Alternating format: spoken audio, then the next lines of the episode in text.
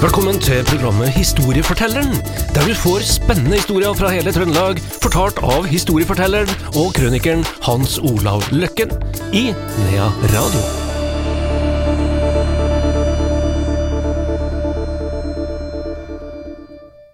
Historiefortelleren er tilbake. Velkommen til deg, Hans Olav Løkken. Jo, takk. Vi eh, skal litt tilbake i tid, ikke veldig langt tilbake i tid, men vi skal tilbake til et, skal vi kalle det et fenomen som kanskje er i ferd med å dø ut? Eller Ja. har det dødd ut? Nei, det, det, de er nok der, men på en annen måte. Ja. Men uh, når jeg vokste opp, da, så var det sånne kramkarer. uh, noen kalte dem landstrykere, eh, uteliggere eh, Det var ulike typer av dem. Og så utvikla de seg kanskje litt mer til handelsreisen og fikk kanskje litt mer transport og sånn. De er jo der på en eller annen måte, men nå er de jo da systematisert og er ansatt og bedrifter og sånn. Men, men dette her var så folk som levde omtrent fra, fra eh, hånd til munn, liksom. De fikk kanskje litt eh, mat på gårdene. Ja, de måtte jo overnatte en plasser. Noen ble da invitert inn, andre måtte ligge på låven, og så videre og så videre. Og disse her eh, menneskene husker jeg godt. Spesielt én som kom hver eneste sommer. Kom en Russland, han så likeens ut. Han, han, han var like gammel hele tiden, han ble aldri gammel, men, men han var gammel. Og en kolossal ulldott, en kolossal eh, frakk, Eh, samme frakken i alle år, i hvert fall sånn som jeg husker det. da. Saket ord, og kom inn på grovkjøkkenet til bestemor, og, og hun har vel gitt ham litt mat, og det er som med dyrene, gir dyrene mat, så kommer de tilbake. Ikke sant, det er jo sånn, så han visste jo hvor han skulle gå hen, for at visse plasser ble han sparka ut, og andre plasser så fikk han mat.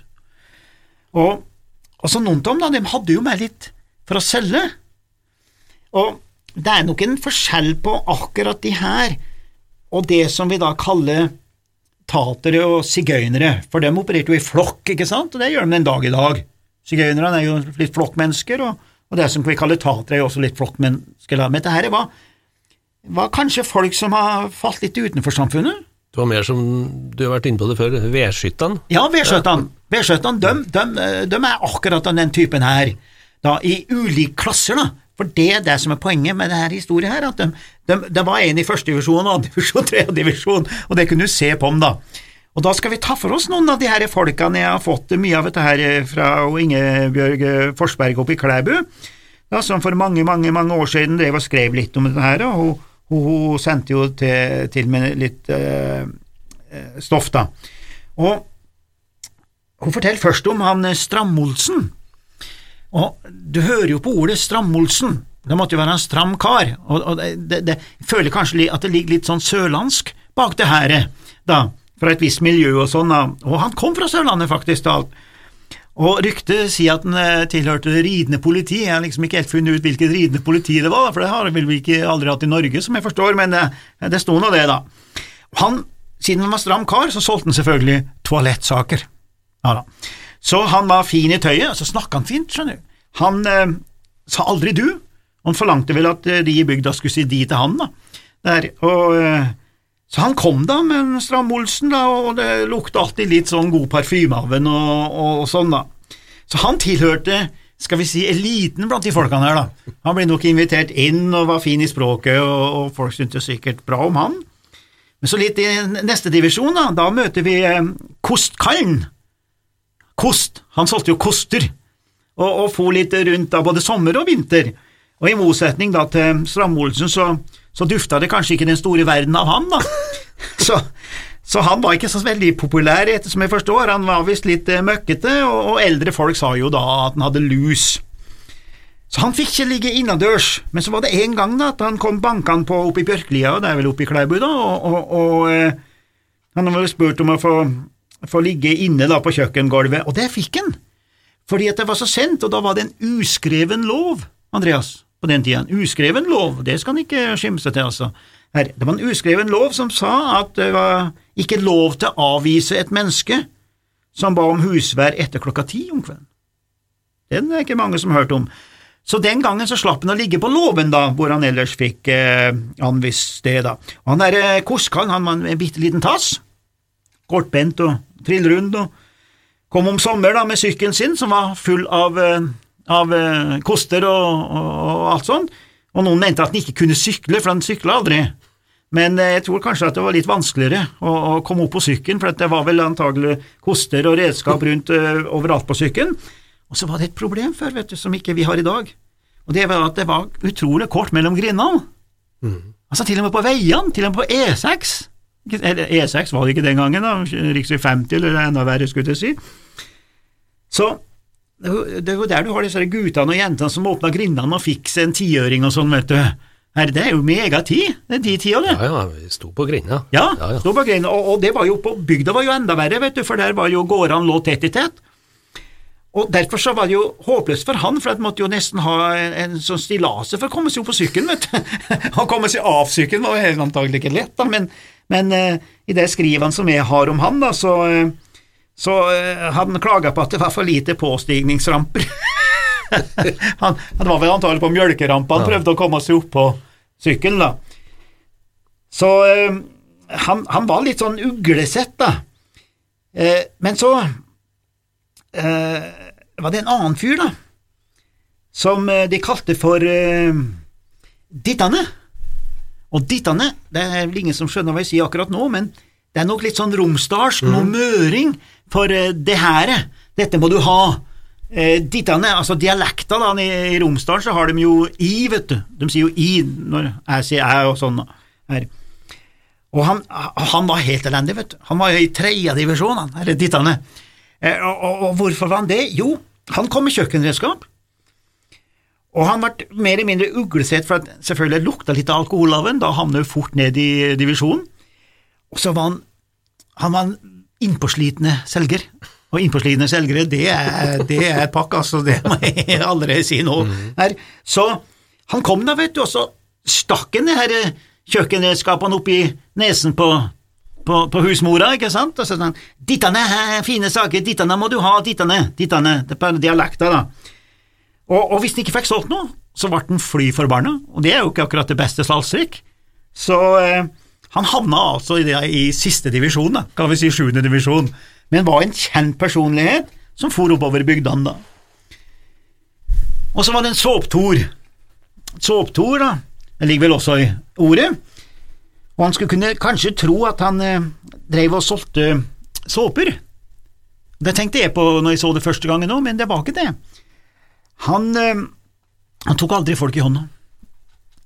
Eh, hvis han fikk betalt for noe, så sa han du får legge det her på bordet, for han fortalte alltid at å ta folk i hånda, det ble du dårlig av. Altså Han var redd for smitte. Han var omtrent sånn som uh, Howard Hughes. Du hørte meg, Howard Hughes, ikke sant, han store eh, magneten der borte i Amerika. Han, han vaska seg vel eh, 20 ganger om dagen eller noe sånt. Han, han kunne aldri ta folk i hånda, så han, han, han hadde den her psykiske ja, den sykdommen som gjør at du skal ikke ta på folk, han måtte vaske seg hele tiden. Og Det hadde en såptor òg, han hadde funnet ut at han kunne bli sjuk da, så han tok ikke folka i hånda.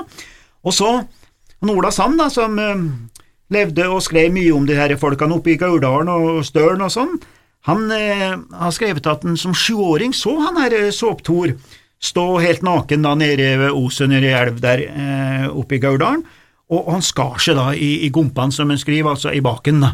Han skar seg i baken med glasskår slik at det blødde. Og da han eh, fortalte mor til Nord at eh, dette måtte han gjøre av og til for å kvitte seg med synda. Det har vel noen har funnet på da, noen tro, sterke troa på en eller annen måte. Og han kom fra Vågå, da, og han het opprinnelig Tor Andersen Svae, står det overalt, men jeg tror han het Svaras, for det, det er jo Jeg har jo så mye slekt i Vågå, jeg, og, og jeg har den ikke i slektstreet mitt, så, så det må være et annet navn, da. Ja da, så var det en annen kjent vandrer, spesielt oppover Gauldalen. For oppi mye oppi Singsås og Åren og oppover der. Og han eh, kalte han for Veit-Lars, veit av å vite.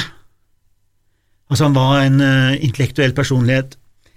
Han var bondesønn, han het Lars Gundersen Bjørge, og det er skrevet en del om han. Han var født òg i Gudbrandsdalen, det er jo fælt med disse Gudbrandsdølene, uh, fær overalt. Ja, Vandrende gudbrandsdøl. Vandrende Gudbrandsdølen. Han var født på Fåvang da, i 1829, som sjettemann i en ung flokk, da, og, og oppveksten ble eh, ikke så bra. Han ble nok påvirka av at eh, både far hans og eh, en av bror brødrene hans, hengte seg. Men det er klart, sånn påvirker det. Han var en liten av vekst, rusla rundt i bygdene med en sånn bylt på ryggen, og han var høflig og takknemlig, kanskje litt sånn ydmyk type, og utrolig emnerik. Folk skjønte at å ha en liten samtale med han, så eh, kom det en del kloke ord fra han her fyren.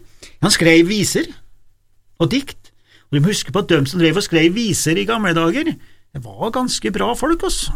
Altså, de, de hadde noen emner, altså, til, til å binde sammen de her visene, som senere folk har satt melodi til, og som er blitt noen av våre mest kjære eh, i dag, da. Det vet jo du når du driver på med programmene dine her. Så hadde han studert teologi. Nå begynner vi liksom å skjønne hva slags person det er, da, vet du. Så han har studert teologi han på Universitetet i Oslo. Og det gikk jo bra, men så kom det kvinnfolk inn i bildet, vet du. Og han ble utvist på grunn av ei kvinnehistorie. Det er jo i og for seg ganske tøft, da. Jeg tror ikke det ville skjedd i dag. Men han ble utvist, og det heter seg da i de papirene jeg kom over, at han tok på seg skylda for en annen. Vi snakker om at det her å være ydmyk, det her liksom å Jeg kjenner noen sånne folk som, som tar på seg skylda for andre. De skal hjelpe til ved å ta litt av støyten. Han var nok av den typen. Så han ble utvist og måtte forlate det akademiske miljøet og begynte på vandring. Det var så lite som skulle til før han tippa over, ikke sant? Og vi har jo toppfolk, vi, Andreas, som du kjenner nå, og som jeg kjenner, som altså havna på bomsen. Altså havna som landstrykere, med toppstillinger i Norge, kanskje litt kombinert med alkohol, og så ramler du helt utfor og begynner vandring. Og han her, han begynte å vandre, kom da til Trøndelag i 1850, og der traff han sin store kjærlighet og Pernille. Gifta seg, får to barn, men eh, ekteskapet gikk i lås. Og da ble han virkelig en vandringsmann, som gikk att og fram i Gauldalen, og de fleste visste om ham. Han ble altså et, skal vi si, en del av bybildet, eller bygdabildet. Ja. Og som neste generasjon vokste opp med.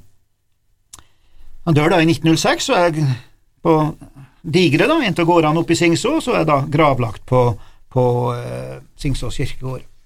Og de her personene jeg nå har pratet om, jeg vet ikke om vi kan si at det er noen tapere, altså. Er ikke, de er ikke akkurat noen sånn tapere i den forstand, men de hadde kanskje en eller annen ting som gjorde at de slet litt med livet.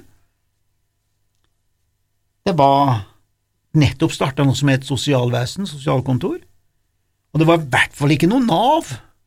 Så disse har jo blitt, blitt fanga opp av Nav hvis de har levd i dag.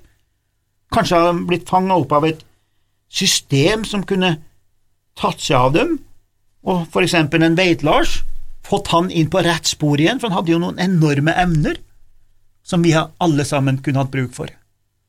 Men det var ikke noen som tok vare på ham, derfor så gikk de fra gård til gård. Da. De falt altså utenfor i alle samfunnslag og ble vandringsmenn, og de bodde vel antagelig på det vi kaller postrestante, da. De hadde vel ikke noe postadresse eller noen ting. Og etter hvert så døde de altså ut. Du finner dem ikke i dag. I dag så vil de bli huka inn, antagelig, både av den ene og andre etaten, skulle jeg si. Eh, så eh, jeg tror nok at de er der i dag òg, på en eller annen måte, men eh, samfunnet hjelper litt mer til. Du hadde ingen som tok vare på dem den gangen. De ble vandringsmenn. Og et Nei, jeg, jeg må jo si da, til slutt Jeg ble redd noen av dem òg, vet du. Du er liten unge, og de var jo eh, spesielt kledd. Eh, de var litt sånn Jeg husker de kjefta og smalt litt av og til, og da sprang jeg til skogs. Så det var ikke bare positive ting, men eh, mange av dem trodde, tror jeg nok hadde veldig bra emner, hvis de har fått en sjanse til her i livet.